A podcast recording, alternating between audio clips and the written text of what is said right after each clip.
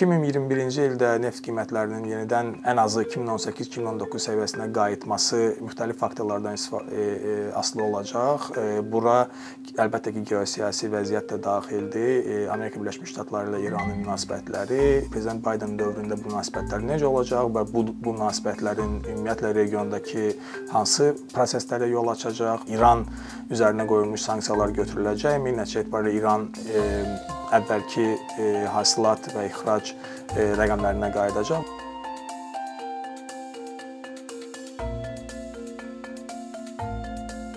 Enerji bazarları üçün də 2020-ci 20-ci il çox təlatümlü bir oldu. Səbəbi də e, bu pandemiyadır.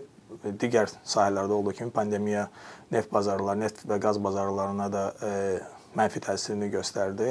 E, ilin əvvəlində neft qiymətləri təxminən 65 dollar e, çərçivəsində idi və bu 2018-2019-cu ildəki qiymətlərin davamı idi.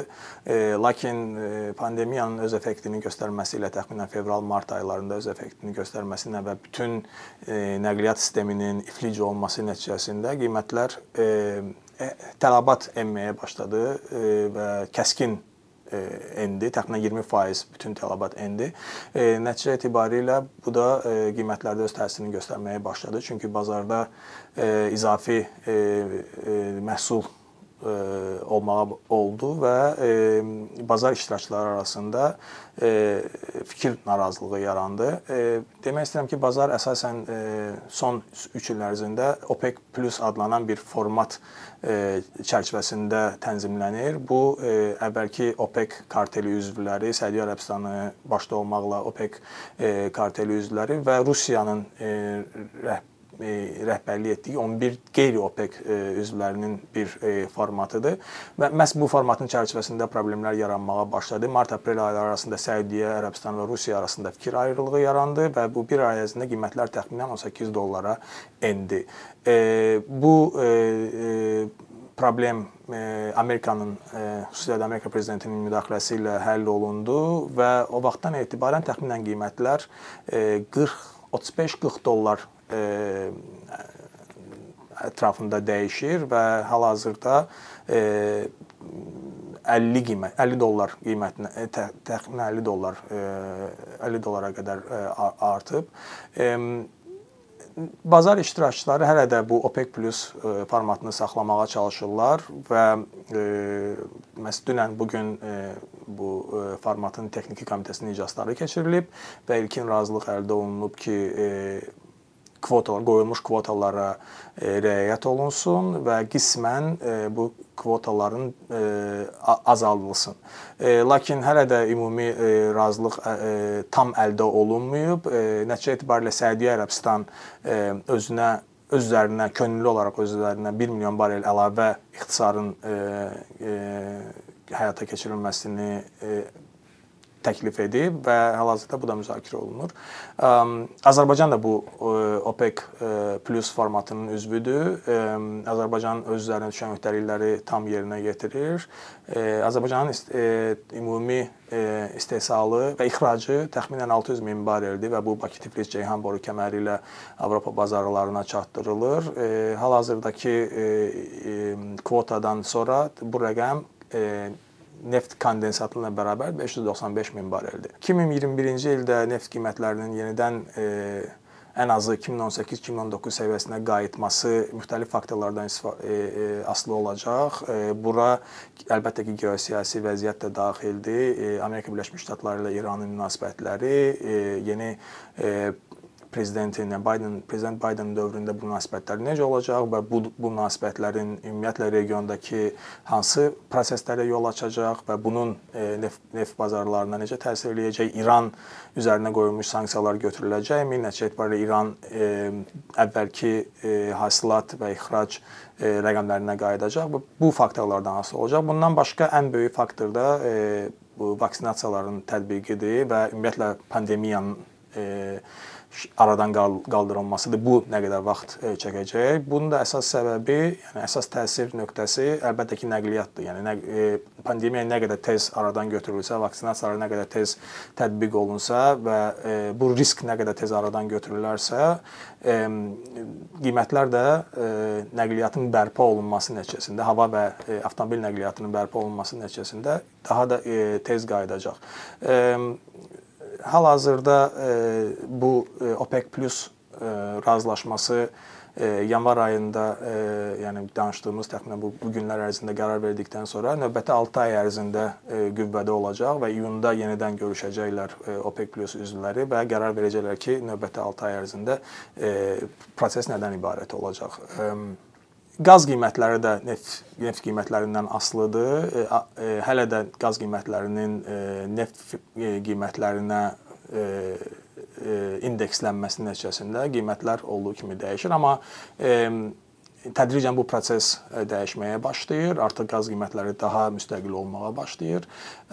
Qazın təbii qazın istifadə olunduğu sahələr neftin istifadə olunduğu sahələrdən fərqlidir. Daha çox elektrik enerjisinin istehsalında istifadə olunur və e, hava şəraitinin dəyişməsi ilə e, sezon e, mövsüm mövsümi e, vəziyyətlə əlaqədar olaraq e, fərqli e, qiymət e, dinamikasından keçirlər. Amma buna baxmayaraq qaz qiymətləri də ötən il e, e, çox az e, e çox e, ucuz olub və və bazarda da tələbatdan artıq qaz təchizatı olub. Bu neftə də aiddir. Yəni bazarda hər iki halda əlavə əmtələr olub, yəni izafi əmtələr olub nəticə etibarilə qiymətlər bundan asılı olaraq aşağı düşüb.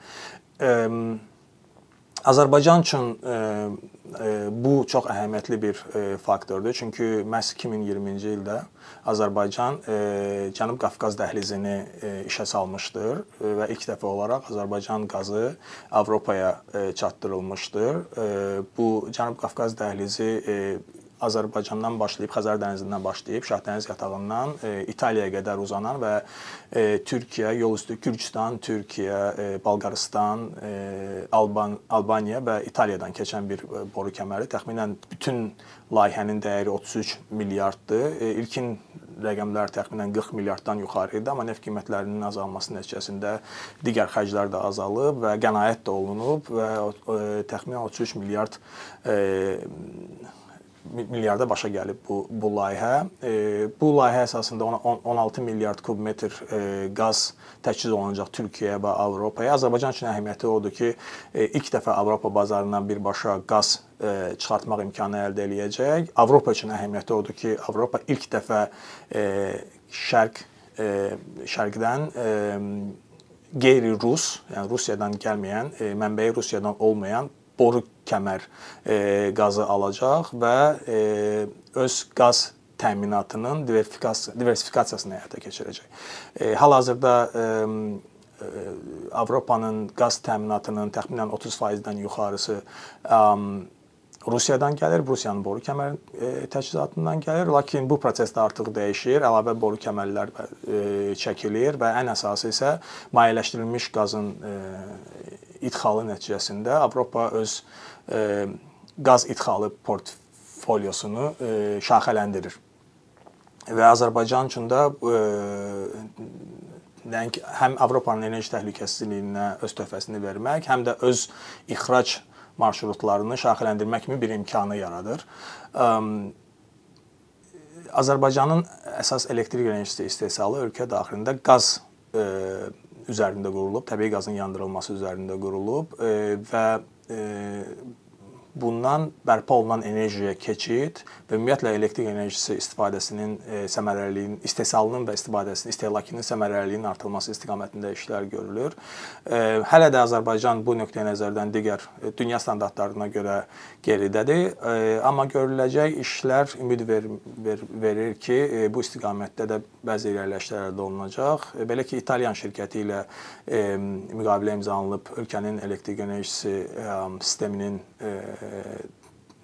inkişaf etdirilməsi, təkmilləşdirilməsi nöqteyi nəzərdən və e, dekabr ayında 2020-ci ilin dekabr ayında Səudiyyə şirkəti ilə Səudiyyənin ən böyük e, Səudiyyə Ərəbistanının ən böyük bərpa olunan enerji şirkəti olan Akva ilə e, müqavilə imzalanmışdı. Nəticə etibarilə ölkədə e, bərpa olunan enerji sahəsində e, layihələrin görülməsi nəzərdə tutulur. Azərbaycan üçün digər e, bu nöqteyi nəzərdən xüsusilə bərpa olunan enerji nöqteyi nəzərdən digər e, nəzərə çarpan e, irəliləyiş e, Kəlbəcər ərazisindəki e, çay e, mənbəyi Kəlbəcərdəki dağlıq ərazilərdən götürülən çayların e, Azərbaycana keçməsi, bu müharibə nəticəsində Azərbaycana keçməsidir.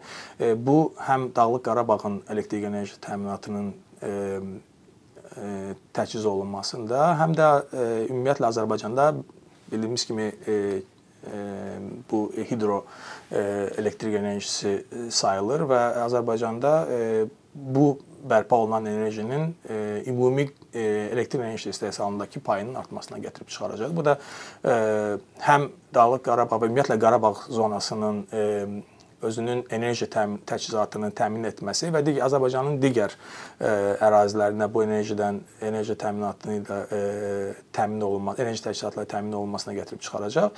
Bundan başqa ə, Azərbaycan ə, həmçinin bu ərazilər, xüsusilə bu ərazilər ə, sərhəd bölgələrində yerləşdiyinə görə Gürcüstana, Ermənistan, Ermənistan, hətta Ermənistana da yaxın olduğuna görə ə, gələcəkdə ə, bu elektrik enerjisinin qonşu ölkələrə ə, satılması da ə, nəzərdə tutulur. Hal-hazırda Gürcüstan Gürcüstana elektrik enerjisi satılması və qismən də e, e, xüsusilə Gürcüstana elektrik enerjisinin satılması həyata keçirilir, amma bu həcmlərin daha da artırılması e, gözlənilir. Nəticə etibarilə əgər e, elektrik enerjisində qeyri-təbii qaz e, e, mənbələri istifadə olunarsa, bu hidroelektrik enerjisi və yaxud digər bərpa olunan elektrik enerjisi istifadə olunarsa, e, e, təbii qazın ixracı və onun əm xarici bazarlara çıxarılması kimi imkanlar yaradacaq. Bu da Azərbaycana əlavə gəlirlərin gətirilməsi, bundan başqa Azərbaycanın Avropanın enerji təhlükəsizliyindəki rolunun artırılması və ixrac marşrutlarının diversifikasiyasına yol açacaqdır. Əkinçinin yeni videoları haqqında məlumatlı olmaq üçün kanalımıza abunə olmağı və xəbərdarlıq funksiyasını aktivləşdirməyi unutmayın. Bununla bərabər gördüyümüz işlərin davamlı olmasını istəyirsinizsə, bizim patronların sırasına qoşulmağınızı rica edirik. Əkinçinin Patreon icmasının üzvü olaraq siz bizim təşəbbüsə dəstək göstərməklə bərabər hazırladığımız materialları hər kəsdən öncə izləmə imkanı əldə edəcəksiniz. İmkandan istifadə edərək cari patronlarımıza işlərimizi davam etməyə yardım olduqları üçün dərin təşəkkürümüzü bildiririk.